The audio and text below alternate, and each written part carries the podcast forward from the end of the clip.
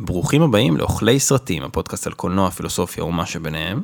רגע לפני שנתחיל בפרק רצינו להזמין אתכם ללא פחות משני אירועים חיים שאנחנו עושים בספטמבר בסינמטק תל אביב. הראשון, יום חמישי, כתבו מיד ביומנים, ה-15 בספטמבר נתראה כדי לצפות בסרט האלמותי מת לחיות, ונקליט עליו, כמיטב המסורת, פרק חי איתכם, הקהל.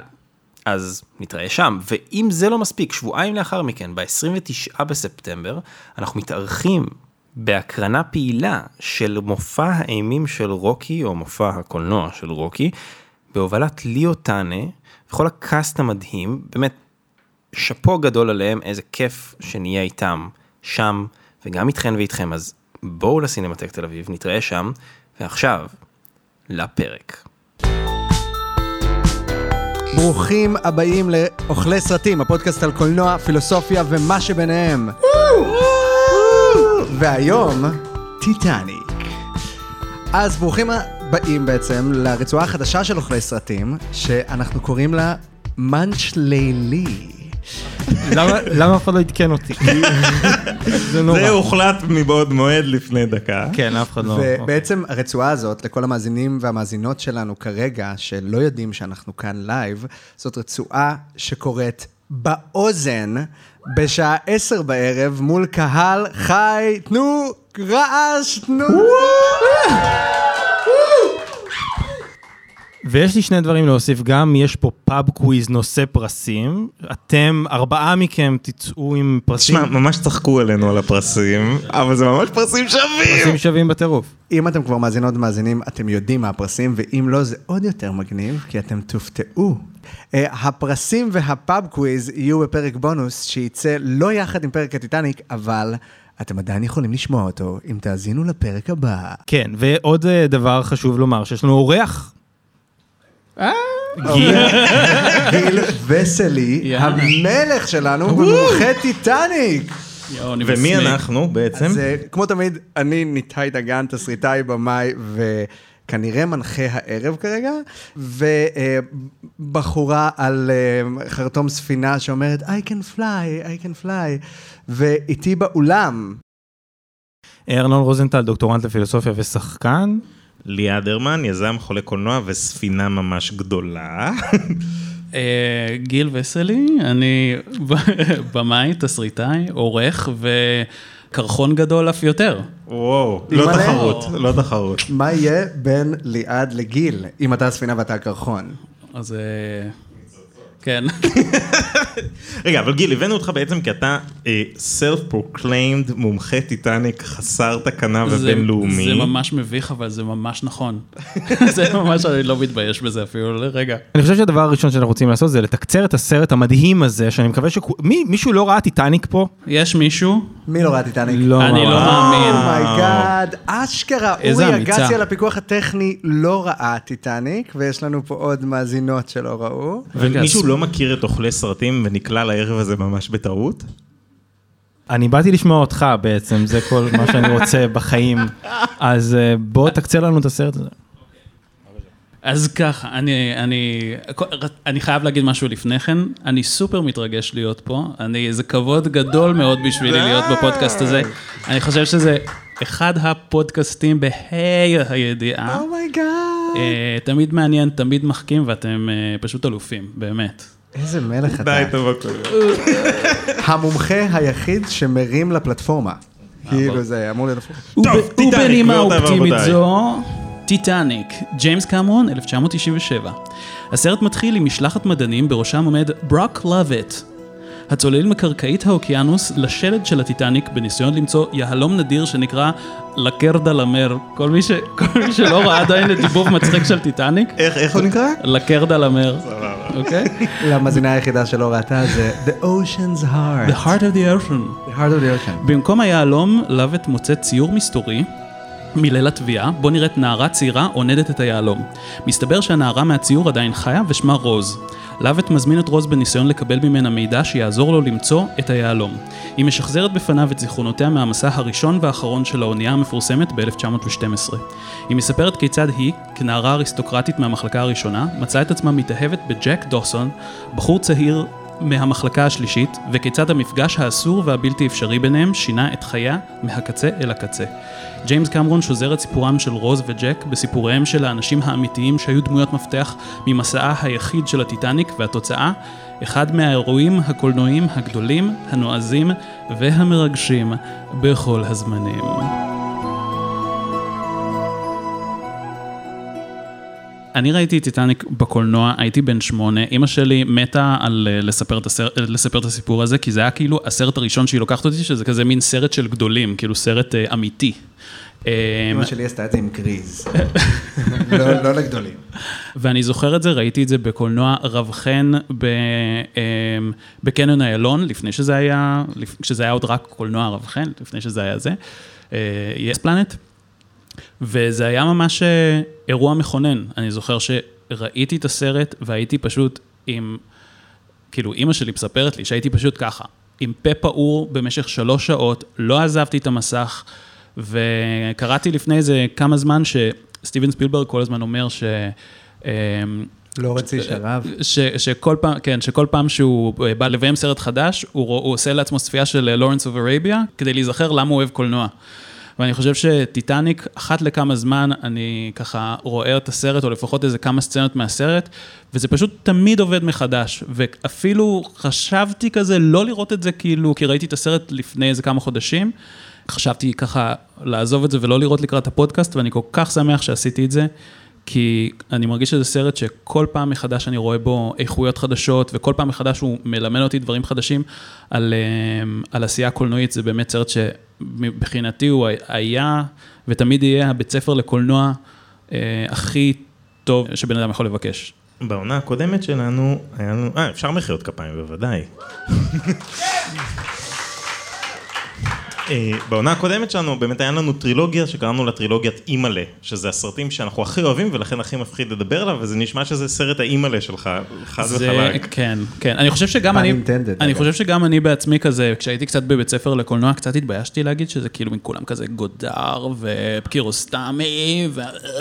ואני, ואני כזה טיטניק, כאילו, יצא לו באמת איזה מין שם כזה, וזה פשוט סרט כל כך טוב, לגמרי, אז כאילו... ואני לא מתבייש בזה יותר, זה הכל. יש דברים שחייבים להגיד על הסרט, נכון? רגע לפני שצוללים פנימה. 11 אוסקרים, לאורך כמעט 20 שנה, הסרט הכי מכניס בכל הזמנים. הסרט הראשון שהתקציב שלו היה 200 מיליון דולר, הסרט הראשון ש... עבר את המיליארד. עבר את המיליארד דולר הכנסות.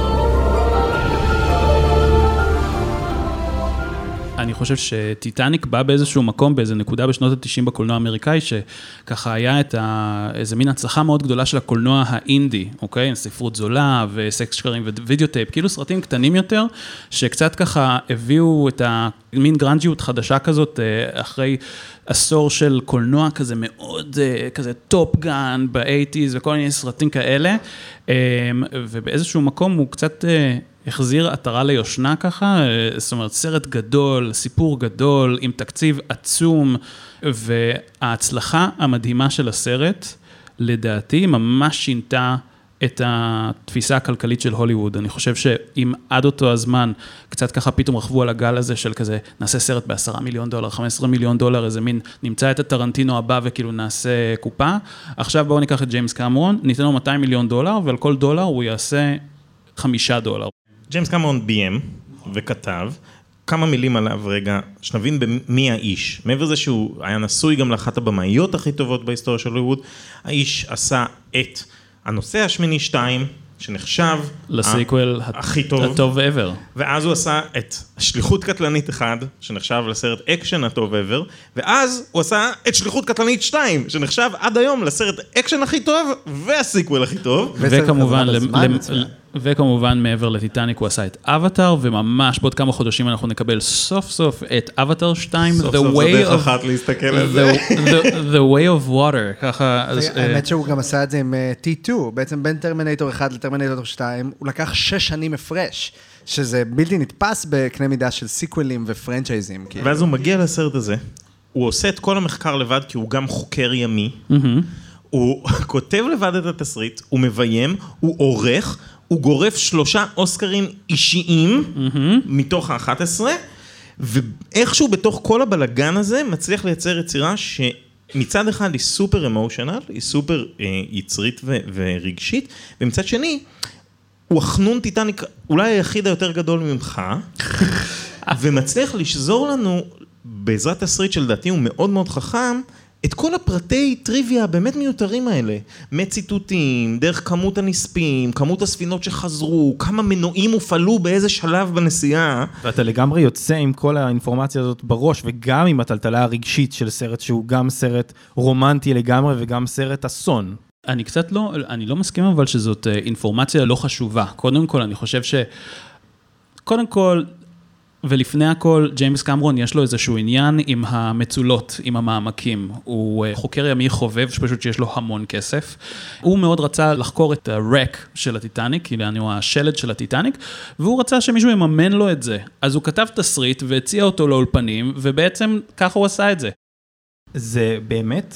כן, הרק? כן, הוא, הוא, ב... אז, אז הקטע הזה זה שכל הפתיחה של הסרט, כל, ה, כל הסצנה הראשונה, שהם יורדים, אה, ולאורך הסרט עצמו, יש באמת צילומים אמיתיים של הטיטניק, וזה, וזה היה גם אחד ה... זה גם, אפרופו, היה אחד הדברים שהוא אמר בראיונות, שברגע שהוא ראה את, ה, את הספינה הטרופה בעצמו, והוא ממש התמלא כאילו בכל הרגשות והבין פתאום משהו לגבי הסיפור האנושי שיש מאחורי הדבר הזה, והוא אמר, אם אני הולך לשים את ה footage הזה בסרט, כל העשייה של הסרט חייבת to rise up to this level. כאילו, אם אני שם את הדבר הזה, אני מדהים. לא יכול לפשל. לא הרגיש לכם שהמדען הראשי או השודד אוצרות הזה, לא יודע אפילו איך לקרוא לו, זה ג'יימס קמרון, הוא גם לקח את השחקן שהכי דומה לו ופשוט שתל את עצמו בגוף הסרט? זה מצחיק שאתה אומר את זה, כי אני חושב שיש שתי דמויות שהן קצת, נראה לי, בנות דמותו של אה, ג'יימס קמרון בסרט. זה באמת הדמות שלו, שגם בסוף יש לו איזה סוג של, הוא כאילו אובססיבי לדבר, אבל רק בסוף יש לו את הרגע הזה שהוא קצת מבין את, ה, את, ה, את האנושיות, שלו. את הפן האנושי שהיה באירוע הזה, ואני חושב שהדמות השנייה היא של mister אנדרוס, הארכיטקט של הספינה, שאני חושב שראיתי גם איזה ראיון איתו, ש... יש משהו ב visionariness ובטכנאות הזאת של, אה, שאני חושב שבן אדם רואה את, את היצירה הכי גדולה שלו יורדת למצולות, ואת ה enterprise הכי גדול שלו שהיה אמור להיות באמת מפעל חייו, פשוט מתפוצץ לו בפנים. זה, זה הבחור שבסוף בורח, נכון? לא, לא, לא. שמתקן את השעון. זה.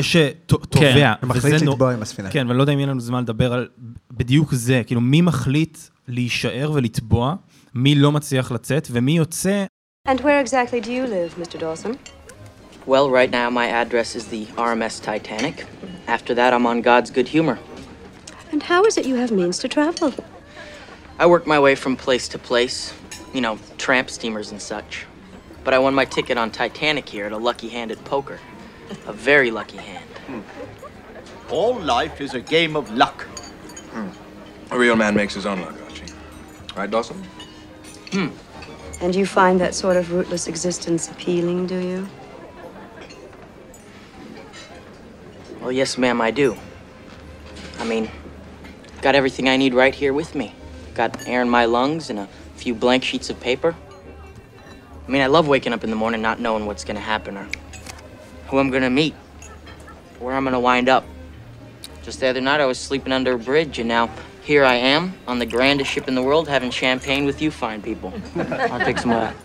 אז בואו נצלול, בואו נצלול קצת אולי לתוך הסרט עצמו. כאילו, אני, אני באמת חושב שהעשייה הקולנועית היא, היא מבריקה ומדהימה, והכתיבה באמת, הוא מצליח לעשות אקספוזיציה כמו שלא ראיתי באף סרט. לפני שנענה, אני כן רוצה להגיד את הדבר שהוא הוא יכול להיות obvious למי שצופה בסרט, זה, זה סרט של שלוש שעות, אבל נורא ברור, כאילו, זה שעה וחצי סרט אגד, פרי טייל אהבה, כאילו זה כל מה שקורה בערך, ואז בדיוק באמצע של הסרט הם פוגשים את הקרחון, ואז בדיוק שעתיים לתוך הסרט, ההצפה מתחילה והוא מתחיל לטבוע, וזה באמת הפרי טייל הזה שהופך לאסון. והכל סרט סביב- אסונות הכי מטורף. הכי מטורף. נכון, כאילו. נכון, אבל כאילו, אני חושב שהדבר, אחד הדברים שהכי מדהימים אותי זה שעד הרגע שאתם מגיעים לקרחון, אתה שוכח שזה אמור לקרות. אני כל כך אה, הייתי מושקע רגשית בסיפור, וכל כך הייתי בהיי מטורף מהסיפור האהבה ביניהם, כל כך אני איתם בכל רגע, שתמיד, תמיד כשזה מגיע, אני, אני שוכח בכלל שזה קורה. אני חושב ש, שג'יימס קמרון לפני שהוא תסריטאי הוא במאי. אני חושב שאחד החוזקות המאוד מאוד גדולות של הסרט הזה זה ב visual storytelling, בסיפור הוויזואלי. ומה שג'יימס קמרון עושה כמעט לאור כל אורך סיפור האהבה, הוא גורם לנו להתאהב בהם בצורה, וזה הולך להישמע קצת משעמם, אבל שנורא מלמדת אותנו על הגיאוגרפיה של הספינה. וברגע שאנחנו מגיעים לאותו סיפור אסונות, ברגע שהמים מתחילים לזרום, אנחנו כל כך מושקעים בכל מיקום ומיקום שברור לנו יותר מלדמויות עצמם איפה אנחנו נמצאים. עכשיו זה משהו שאתה לומד הרבה כשאתה עושה סצנות אקשן על החשיבות של הדמויות במרחב ושל ההבנה של הצופה במרחב. אבל מה שהוא ממש עושה זה שוזר את הלימוד הגיאוגרפי בסיפור אהבה.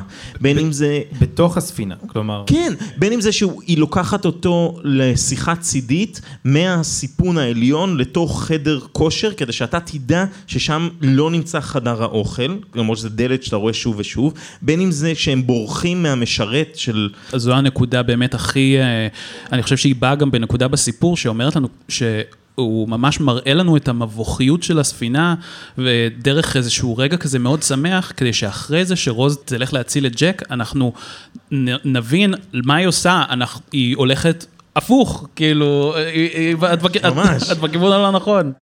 אז יש בעצם שני דברים, גם בדומה לרידלי סקוט באליאן, הם ממש בנו את הסטים בסדר שבו זה היה בספינה, וואלה. וזה כאילו מטורף מבחינת הדיוק ההיסטורי, שממש היית צריך ללכת בסדר שבו היית הולך בספינה כדי להגיע לסטים השונים, וגם אני אתקשר למה בעינינו הסרט, דרך מה שאמרת ארנון, שכאילו הפרי טייל שהופך לסרט אסונות, באיזשהו מקום אני מרגיש שעם כמה שה-fairy tale הופך לסרט אסונות, וזה נותן לנו את הסיפוק שיש אולי בתחילת מערכות יחסים שנכנסים לפרידה של כזה, oh my god, יהיה פה אסון, הפחד הזה, עדיין יש את העניין הזה שהמערכת יחסים של ג'ק ורוז לא מגיעה לאסון, וזה הופך את ג'ק בעיניי, נדבר עליו אולי אחר כך, לדמות שהיא בעצם מושא האהבה הכי שלם ואידיאלי שיכול להיות. כי בעצם היא הכירה אותו במשך ארבעה ימים, ואז יש, לא הבנתי למה, אה, אם למי שמאזין ולא רואה, גיל וליעד נתנו כיף עכשיו, שזה אני- מדהים. אני- אני אגיד לך לא. למה, כי- כי אתמול כשישבנו ודיברנו על זה, אמרנו, ברור שהוא מושלם, כי לא היה לו הזדמנות להגיע לארה"ב ולבגוד בה עם מישהי. לגמרי, ואני חושב, ואני חושב גם שהפגיעה בקרחון, וזה לדעתי מה שהופך את הקרחון בכלל, אולי לא לגיבור של הסרט, אבל לאיזה מין... האנטגוניסט. לגמרי. האנטגוניסט. כגודל הגיבור, כך גודל האנטגוניסט. איצ'קוק אמר את זה, אז אה, חבל לצטט אותו בפודקאסט. אבל כאילו, אני חושב שיש משהו בקרחון הזה, שהוא בעצם שומר על המערכת היחסים הזאת. מושלמת. מו- כן, לגמרי, מושלמת ואידיאלית, וכאילו זה סיפור אהבה שהופך לסרט אסונות, אבל מערכת יחסים במרכזו בעצם נשארת שלמה ומושלמת, כי לא היה לסרט זמן, לא היה לג'ק זמן לחזור איתה, להגיע איתה לניו יורק ולהפוך לחלון פנורמי, שזה סרט אחר שהם עשו ביחד. Yes, what you see? Iceberg, right ahead! Thank you. Iceberg, right ahead! On the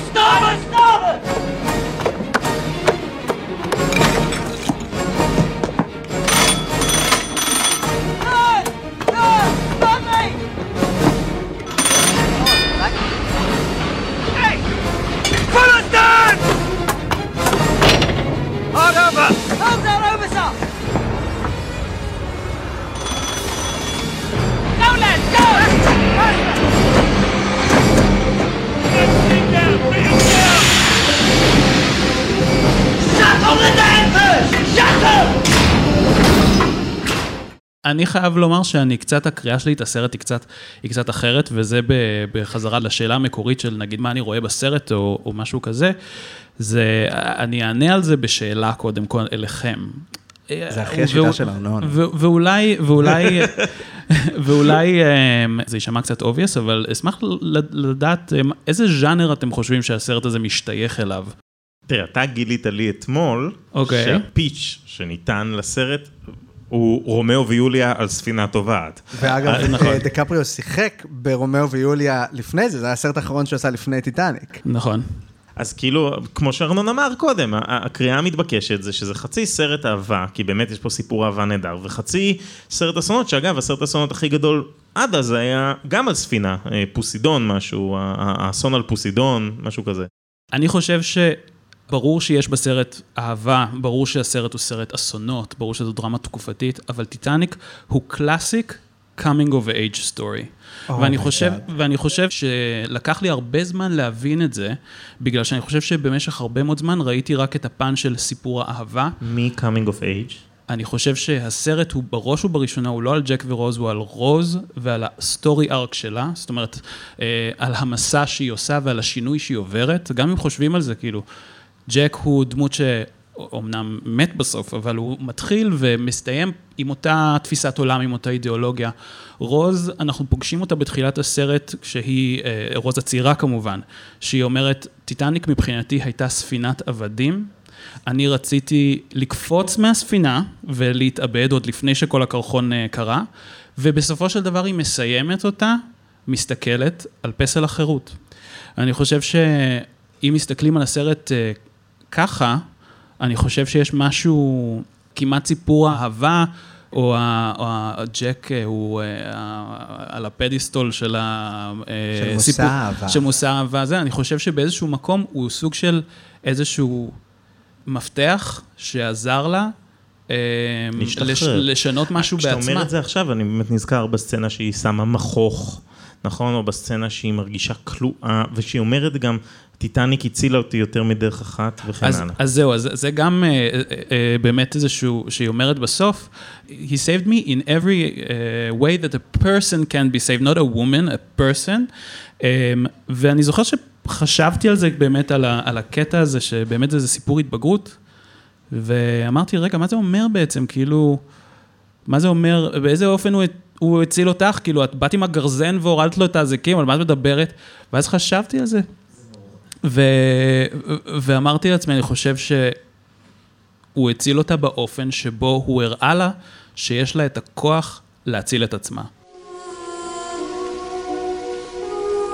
We never found anything on Jack. There's no record of him at all. No, there wouldn't be, would there? And I've never spoken of him until now. Not to anyone. Not even your grandfather. A woman's heart is a deep ocean of secrets. But now you know there was a man named Jack Dawson, and that he saved me in every way that a person can be saved. I don't even have a picture of him. He exists now, only in my memory. הפרק הזה מגיע לנו בסופה של מעין טרילוגיה לא מתוכננת של סרטי רומנטיקה כזאת, ובעקבות באמת הדיון שלנו על 500 ימים סאמר, ובעקבות הדיון שלנו על הרומן שלי עם אני, פתאום נורא, נורא גירד לי לחפש כאילו את הסיפור האהבה ואת המגדריות שבסרט, סתם כי זה משהו שפשוט עסקנו בו הרבה בפרקים האחרונים, ויש נקודה בסרט שלדעתי הופכת אותו באמת לסיפור האהבה המושלם כמו שתיארת, וגם מתחברת יפה עם מה שאתה אמרת. יש את הרגע בסרט שבו אנחנו נגלים, וזה אולי גם מתחבר לקריאה ש, שלדעתי היא מתבקשת של הסרט, אבל אה, שהיא קריאה מעמדית. יש רגע שבו אנחנו עולים יחד עם ג'ק למחלקה הראשונה, לארוחת הערב שבו הבילי זיין, הדושבג הגדול בקולנוע, בא להשפיל אותו וכן הלאה, ואז יש לנו כמעט רבע שעה שבו ג'ק לא רק לומד את עולם העשירים, אלא אנחנו, ג'ק הוא דמות ה-POV של הקהל, הוא הסוכן שלנו בסיפור. מה שנהוג לעשות, נניח מה שסמווייז גמג'י הוא בשר הטבעות, או שכמעט כל אה, דמות שנכנסת לעולם קסום היא מבחינתנו, ג'ק הוא הבן אנוש הרגיל, הוא חלק מהקהל בעולם מעשה, ואז נורא קל לנו להזדהות איתו, כי אנחנו לומדים יחד איתו את העולם. ורבע שעה אנחנו איתו שם, ואז הסרט מתהפך.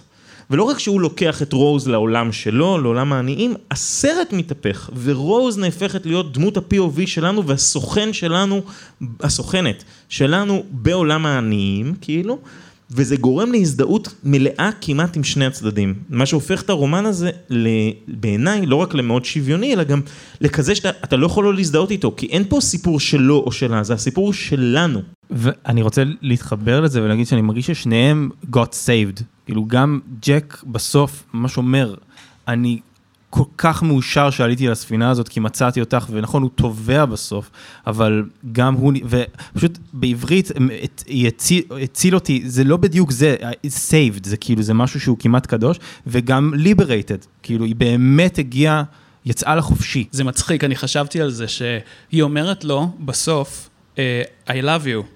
והוא לא אומר לה, I love you back, אז אתה יכול לחשוב שאולי הוא הדוש הגדול כאילו בהיסטוריה. שהיא בדיוק גבר- גברים סטרייטים, גם אחד. כשהוא עומד להתפגר, הוא לא מוכן להתחייב, אתה מבין? לא, אבל, אבל אני כאילו, כשאני חשבתי על זה יותר, כאילו, אח- לעומק, מה שהוא אומר שם, הוא אומר משהו, משהו אחר, הוא אומר לה, את, את, את לא באמת, זאת, זה לא, זה לא, פה, לא מדובר פה על אהבה, זה about not giving up, כאילו, don't give up. ואני חושב שזה באיזשהו מקום, סתם דיברנו, כל הזמן מדברים על סיפור אהבה ועל אהבה ועל אהבה, ואני חושב שיש בזה איזשהו משהו ש... שבעיניי הוא, הוא אפילו גדול יותר מזה, כי זה משהו שקשור בין אדם ובין עצמו. ממש, ו- אבל זה כן תלוי במישהו שרואה אותי. כן. והוא רואה הוא אותה. רואה אותה, ואנחנו לגמרי. פוגשים אותה בהתחלה, כשהיא אומרת, אני מבפנים צווחת, אני מתנ...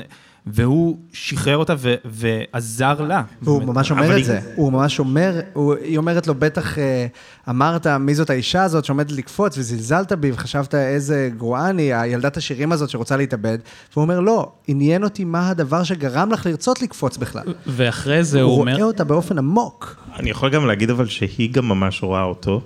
כי בסוף הוא מספר, הילד בן איזה 16, לא יודע, הוא מספר לה סיפור חיים של מינימום המינגווי, מאכיל אותה בולשיט ברמה הגבוהה ביותר, הוא מספר לה איך היה לו את כל הזונות הצרפתיות שבן אדם יכול לדמיין, ובשנייה שמתפשטת מולו, הוא, הוא, יש שם איתה אה, כורסה.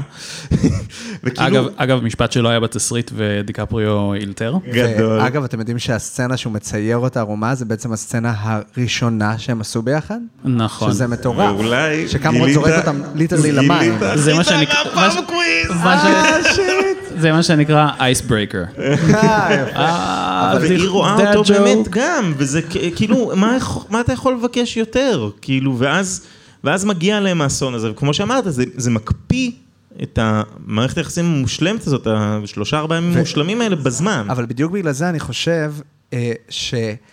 עם כמה שבאמת היא רואה אותו, זה דבר שהוא מדהים שאתה קורא בסרט, כי אני מבחינתי, בגלל שהוא כזאת דמות אידיאלית ומושלמת, אני לא ראיתי איך אנחנו מקבלים את השלמות שלו, כאילו לא ראיתי אותו, ראיתי שהוא אני, אבל מבחינתי זה לא חיסרון, כאילו לא ראיתי שום דבר שהוא חיסרון עבורו או חיסרון עליו, ואני חושב שמה שמדהים בזה, שאנחנו כאילו רואים את זה מנקודת המבט שלה, כמו שגיל אומר, שיש משהו ב- בשנה שהסרט יוצא, בגלל זה באמת הפעם השנייה שראיתי את הסרט, ראיתי את כל ה... אוקיי, חוקרי מעמקים, תחילת הסרט, ואז רואים איזה זקנה שרוצה לספר סיפור, עושים לי פה Princess Bride, כאילו, אה, יביאו קבוצה של אנשים שרוצה לשמוע סיפור, והזקנה הטרחנית תבוא ותגיד לי, אה, בוא תשמע איך טבע הטיטניק. ואני חושב שיש דווקא משהו שהוא כל כך סוחף פנימה, והוא כל כך כאילו גורם לך גם להתאהב בג'ק, וגם לראות את רוז עובר את הסיפור, וכל זה בתוך... ערב שבו אני רואה עם הבת זוג שלי את הסרט, והיא כאילו, שלא ראתה את הסרט הזה בחיים, אומרת כאילו, אני חייבת, מה זה, מה יש פה, כאילו? ומתי הם שוברים בחזרה לסיפור מסגרת שלנו? מתי? בדיוק בנקודת האמצע, כשהם מתנשקים על החרטום, ג'ק על יאפה!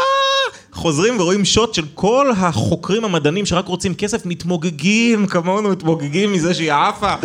אה, אני חוש- אני חושב שזה אחת, אגב, אני חושב שזה אחת החוזקות הגדולות של הסרט ושל קמרון, אני חושב שיש בסרט המון הומור. אני חושב שזה סרט שלוקח את העשייה שלו מאוד ברצינות, אבל להבדיל מכל מיני אופוסים כאלה, גלדיאטור, אני מת על גלדיאטור, כן?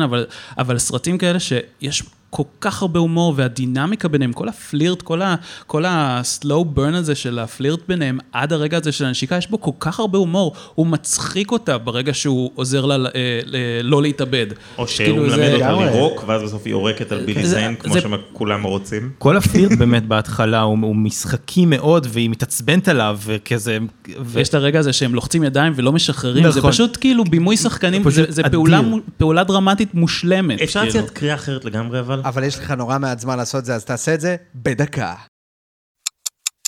אוקיי, בגדול, ז'יז'ק, סלאבו ז'יז'ק אהוב הפודקאסט, מציע קריאה אחרת לחלוטין. הוא כמובן הולך לאחד והיחיד, מרקס. והוא בא ואומר, יש פה למעשה קריאה מעמדית פר אקסלנס, יש פה מעמד גבוה, שכולו נחנק מהקפיטליזם ונמצא בתוך מחוך ורק רוצה להתפרק ממנו, ויש פה את העניים, ש...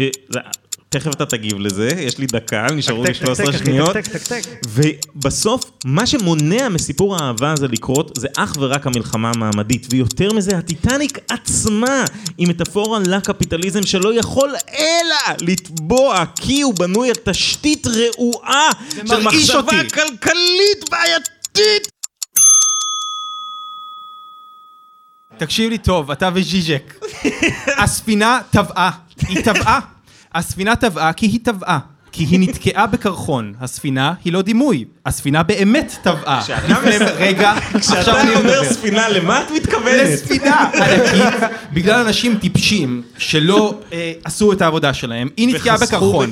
ואז האיש החכם והחמוד עם השיער האפור, שמסתכל על השעון ותובע, אמר, מתמטית, אין יותר, כן, עוד שעה או כן, שעתיים. אבל זה בדיוק הקריאה המרקסיסטית, שמתמטית, המהפכה מגיעה ואין, זה ודאות היסטורית. לא, חבל על זה הזמן. מרדד, זה מרודד את הסרט לאיזה סימבול. כל האימג'ים הרב-רובדיים בסרט, הם בתוך הספינה, הם באנשים, הם במי רואה את מי, ומי לא מוכן לראות את האחר, ולכן תשמע, יורה לעצמו כדור תשמע, בראש. לשם שינוי, אנחנו מסכימים לגמרי, ואני לא אגן על עמדה שאני לא עומד בה, חושב- אבל היה חשוב לציין אותה. לא רק שאני מסכים עם ארנון בטירוף, והפעם אני גם מסכים עם ליאת, שזה מטורף. Oh my god! יאללה, מגיע לי חיבוק. תודה רבה. אה, ואני אני גם חושב שיש משהו באיכות הזאת של האנשים ובהתמקדות הזאת של האנשים, שבעצם קמרון קצת מזכיר את אה, אלפונזו קוארון ב-Children of Men, שעוד לא עשינו עליו פרק ואני לא מבין איך, אבל דווקא בגלל שאנחנו מדברים על ה... אה, אה, מעמדות בסרט ועל כאילו ה-class A ו-class E בעצם, נכון? יש לנו את, את הקומות בספינה. אני רציתי רק להגיד שאני מאוד מסכים איתך, ארנון, לגבי מה שאמרת, אני חושב שכאילו כל הפואטיקה של הסרט הזה, לפי דעתי, הוא בדרמה האנושית. אה, ואיך הדרמה האנושית הזאת נשזרת בתוך ה... כמו שאתה אמרת ליאת, זאת אומרת, אנחנו, ג'ק ורוז לצורך העניין, אה, אה, רוז בעיניי קצת יותר, הם בעצם הסוכנים שלנו בסיפור הזה, ואנחנו מטיילים כאילו איתם בספינה הזאת, ואנחנו רואים קצת את, את Mister אנדרוס, שהוא היה ארכיטקט, וקצת את הזה, וקצת את, את הדמות של קאתי בייטס, שאני חושב שהיא אחת הדמויות המעניינות בסרט, כי היא באמת, אגב, זה... זה בליהוק הפוך לגמרי ממיזרי. נכון, ו- ומה שרציתי להגיד זה שהיא דמות מאוד מעניינת, שנייה על הדמות הזאת שהיא משחקת, קוראים לה אה, מולי בראון.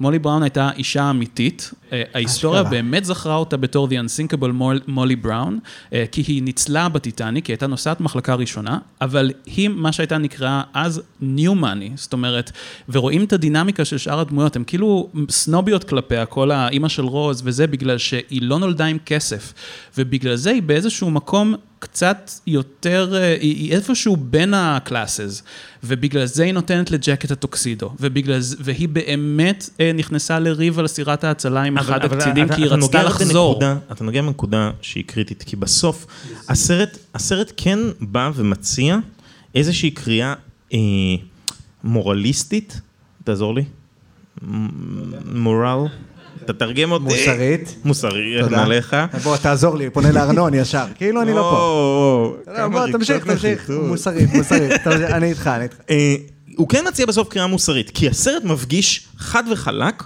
את הדמויות, את כולן. את דמויות המשנה, את דמויות הראשיות, את כולן עם המוות. והוא לא רק מפגיש אותם עם המוות, הוא מפגיש אותם עם מה שאנחנו מכנים בפילוסופית מדוברת, מצב הטבע. עלה אדם לאדם זאב, יש 700 מקומות של סירות הצלה ו-2,200 איש, ורק נשים ו- וילדים בבקשה. והוא כן מראה לנו באופן תדיר הוא מציע מי הדמויות הטובות, אלה שאו מוכנות להישמע לחוקים, או לא מאבדות את האנושיות שלהן מ- למול מצב הטבע האובסיאני הזה, לבין הדמויות הרעות שמשחדות את דרכם, יורות את דרכם, צועקות את דרכם, לאיזושהי הצלה שבחלקה, בטח אימא של רוז לדוגמה, היא כמעט הצלה מזויפת. ואני לא יכול להתעלם מזה, כאילו הסרט בא ונותן לנו את ה... הכנר הנאצל שמנגן את ירידתו של אורפאוס לשאול תוך כדי שהספינה טובעת, לעומת בילי זיין שמנסה לשחד את דרכו או גונב ילדה כדי לעלות על הספינה. ואחרי כמה שנים יורה לעצמו כדור בראש. נכון. כלומר, הוא, שרד, אבל לא uh, got saved. ולגמרי העשירים רעים והעניים טובים, העניים עושים הכל ביחד, פורצים את השער ביחד שכולאים אותם כמו חיות, וזה, ולעומת העשירים שברגע האמת, כמעט, כמעט כולם, למעט אולי מר גוגנהיים, הם אדם לאדם זאב. The ship is gonna suck us down. Take a deep breath when I say.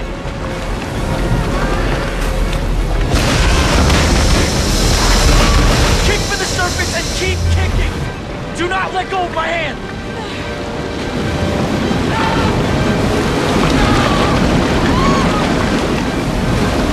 We're gonna make it, Rose. Trust me.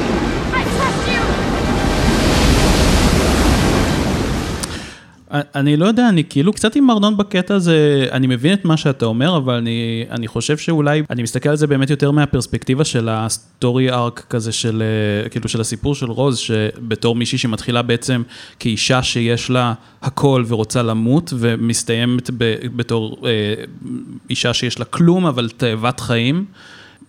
אמנם האמירה הפשוטה של כזה, money doesn't buy you happiness, אבל אני חושב שהסרט הזה באיזשהו מקום, באופן הזה, מראה לך את זה בצורה כל כך, אה, כל כך רגשית, זאת אומרת, את התחושה הזאת של באמת אתה רואה גם, אה, גם פריבילגים בוכים בלילה.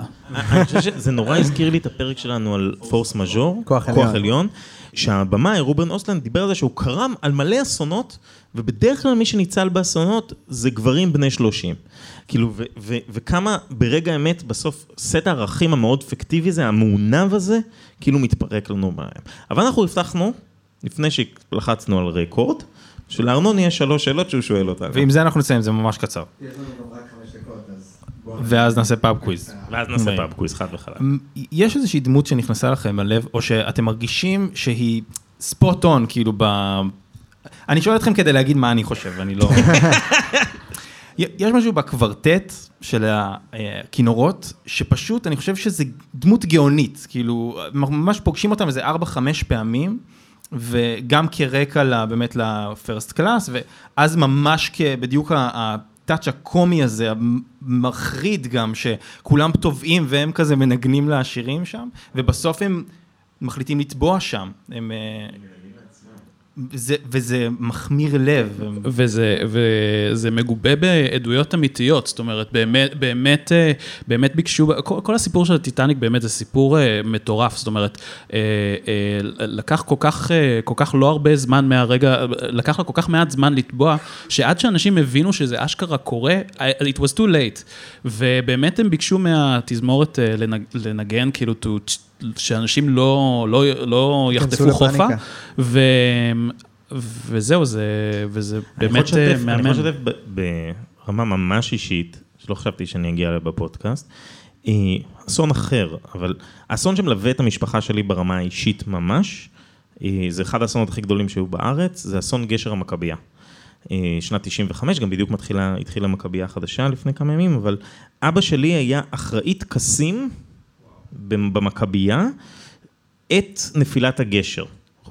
לא היה לו שום קשר לגשר, מיותר לציין, אבל לא, או חשוב לציין, אבל הוא עמד שם, את הגשר קורס, ואנשים מתחילים לטבוע ולמות, ועליו הוטלה ההחלטה מה עושים. עליו, על נשיא המדינה ועל מנהל המכבייה. והם החליטו ביחד עם מפכ"ל המשטרה שלא עוצרים את הטקס, וממשיכים שהילדים ישירו וזה וזה, כדי שלא יהיה פאניקה ב-20 אלף איש באיצטדיון, ושלא ירמסו, שלא יהיה אסון גדול יותר. ואני חושב שהוא לא פה היום כי הם חטפו קורונה, ההורים שלי, אבל ההחלטה הזאת של לתת לדברים להמשיך להתגלל כדי לשמור את מי שלא חשוף, כי מתוך האיצטדיון לא ראו את הגשר לאירוע. אחד, אני חושב שזו החלטה שברמה האישית מלווה אותו ואותנו כמשפחה כל החיים. אני חושב גם שהיא החלטה נכונה, אבל זה דיון אולי ליום אחר. ושתיים, אני חושב שזה, בסוף, עת אתה נפגש עם מצב הטבע, ברמה האישית אני חושב שאתה עדיין אנושי, וגם יש לך אחריות על אנשים אחרים. אני חושב ש... קודם כל זה סיפור נורא מרגש. אולי כן נעבור כבר עכשיו ל pub quiz? אז זהו, יש כן, לנו דווקא שלוש דקות. אה, מדכא למה יש הזה, לך אני עוד לא יודע. לא, יש לך עוד שאלות? כאילו... לא, אני- יש עוד שאלות, אחר כך off the record אני אשאל, אבל נראה לי בואו כאילו נצלול לחוויה. אני יכול להגיד אה, איזשהו משפט אחרון, אפרופו... אה, בשביל מה אתה האורח? ברור. אה, רציתי גם להגיד איזשהו, עוד איזושהי, לא יודע אם קריאה או איזשהו משהו אחרת, אבל זה איזושהי מין מחשבה שהיא מסתובבת לי בראש, אפרופו ג'יימס קמרון והעשייה שלו, וגם משהו, אה, קצת לקשור את זה לסרטים אחרים של ג'יימס קמרון, שאני חושב באמת ש... באיזשהו מקום, עם כל מה שהתחלנו ואמרנו שלמה, איך התחיל הסיפור הזה, הוא רצה בכלל לצלול לראות את הטיטניק וזה וזה וזה, באיזשהו מקום מרגיש לי שהסיפורים האמיתיים של האנשים הם, הם חשובים לו אפילו יותר מהסיפור של ג'ק ורוז, וה depiction של הסיפורים, של מהלך האירועים, בעצם לחזור ולחוות דרך איזשהו סיפ- סיפור פיקטיבי אה, את, ה, אה, את העבר כמו שהוא היה, לנסות ולהגיע למצב כזה, קצת כמו שאמרת, כאילו הסוכנים האלה, שהם בעצם אבטארים בעצם שלנו, הופה. כדי להגיע ולחזור אחורה בזמן. אני חושב שאם מציע איזושהי הסתכלות meta כזו קצת על, אה, על הסרט הזה, ועל העשייה של ג'יימס קמרון, שמתעניין באמת באשכרה אבטארים, אה, ביכולת, אה, הסרט הזה מבחינתי קצת הוא על היכולת של אה, הקולנוע להתעלות על space and time באופן הזה, ולקחת אותנו למקומות שהמציאות לא מאפשרת לנו. אני חושב שבזה אכלנו. תשמע, אתה, יש לך ציטוט שאתה מת לתת מההתחלה, ואתה לא תשתחרר מזה. יש רגע מדהים, או, תודה רבה.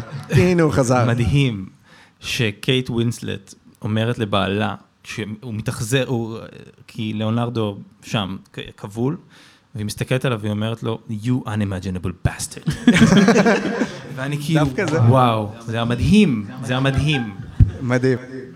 I rather be his whore יש than עוד your כל wife. כך הרבה דברים להגיד על טיטניק, כן יכל לעלות על הדלת, לא יכל לעלות על הדלת. בכלל, על זה שהדיון על הטיטניק היה הדבר שפתח את הווירליות בעולם, ונאום... זה שזה אחד מהסרטים הראשונים שהלכו לראות אותו שתיים, שלוש, ארבע פעמים, זה שזה סרט שיועד לטינג' גרלס וזה, אבל אם יש ציטוט אחד, זה כשרוז וג'ק מביטים למצלמה ואומרים, אנחנו היינו אנחנו ואתם הייתם אתם, תודה רבה. תודה רבה רבה ארנון, תודה רבה ניתאי, תודה רבה לשירן ונטע מהאוזן השלישית שמארחים אותנו ואנחנו. נמשיך להתארח פה. ותודה רבה לכם שאירחתם אותי, היה לי תענוג, באמת. לא, היה לי תענוג רבה, וכבוד גדול, ממש. איזה איש מדהים אתה. אנחנו, אתם יכולים למצוא אותנו בפייסבוק, באינסטגרם, טיק טוק של ארנון. בטיקטוק של ארנון, כן. שלא באמת אש- מתקיים לא, לא, הוא לצערי. בטוח, זה- הוא קורא. כן, ו- יש שם קייט ווינסלט צועקת על ארנון, אה, יש שם ארנון עושה את הקינוח האחרון שהוגש בטיטניק. אה, שאגב נורא מדויק למציאות, אם תראו בטיקטוק. ותודה רבה לאורי אגסי על הפיקוח הטכני, תודה רבה לרן רייטן וליובל קורן. אה, ולכל מי שהגיע, ותכף אנחנו עוברים לזכות בפרסים. ביי.